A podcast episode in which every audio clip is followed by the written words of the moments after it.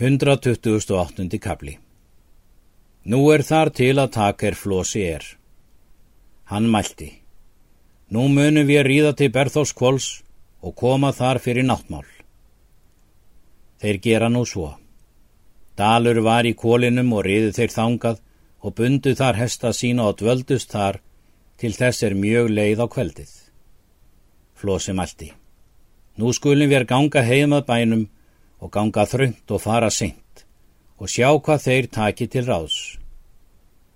Njál stóð útu og sinir hans og kári og allir heimamenn og skipust fyrir á hlaðinu og var þannig þrýr týjir manna. Flósinn namn staður á mælti. Nú skulum við aðhyggja hvað þeir taka til ráðs því að mér lýs svo ef þeir standa úti fyrir sem við munum þá aldrei sótt að geta.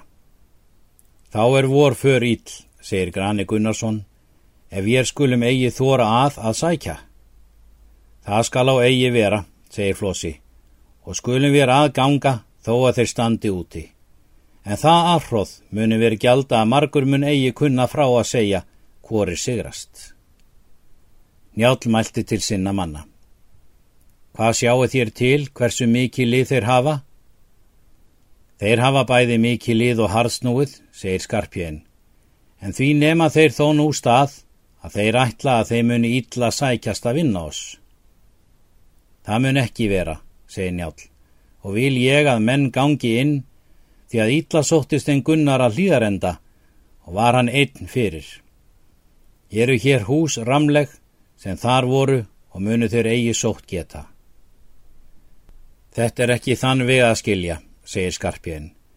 Gunnar sóttu heim þeir höfðingjar er svo voru vel að sér að heldur vildu frá hverfa en brenna hann inni, en þessir munu þegar sækja oss með eldi er þeir mega eigi annan veg, því að þeir munu allt til vinna að yfir taki við oss. Munu þeir það ætla sem eigi er ólíklegt, að það sé þeirra bani, ef oss dregur undan. Ég er og þess ófús að láta svæla mig inni sem melrakka í greni. Njálmælti. Nú mun sem oftar að þér muni bera mig ráðum sínir mínir og virða mig yngis. En þá er þér voruð yngri gerðu þér það eigi og fór yðvart ráð þá betur fram. Helgi mælti. Gerum við sem fadir voru vill. Það mun oss best gegna. Egi veit ég það víst, segir Skarpjön, því að hann er nú feigur. En vel má ég gera það til skaps föður míns að brenna inni með honum, því að ég hræðist ekki dauða minn. Hann mælti þá við kára.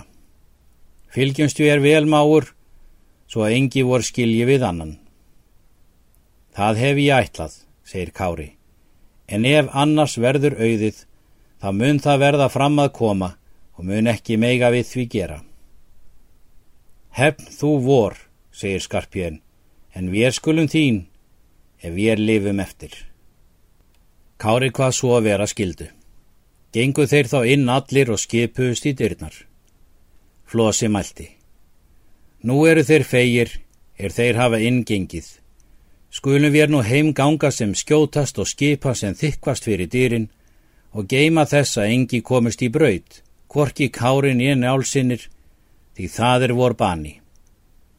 Þeir flosi komi nú heim og skipuðust umhverfis húsin ef nokkra væru laundir á. Flósi gekk framann að húsónum og hans menn. Hróaldur Össurarsson hljóp að þar sem Skarpjén var fyrir og lagði til hans.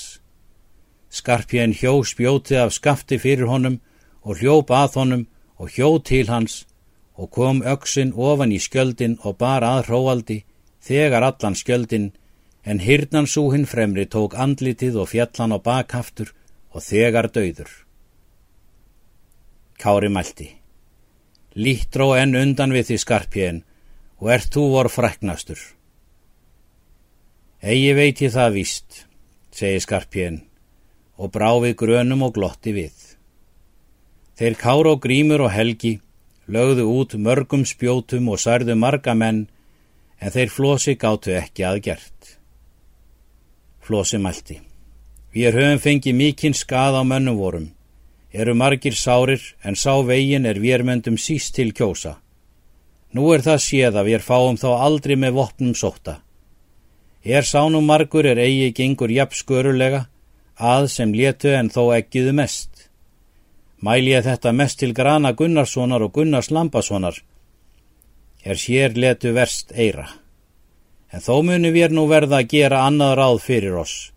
Er nú tveir kostir til og er korgi góður. Sá annar að hverfa frá og er það vor bani. Hinn annar að bera að eld og brenna þá inni og er það stór ábyrðar hlutur fyrir Guði er við erum menn kristnir sjálfur en þó munum við er það braðs taka.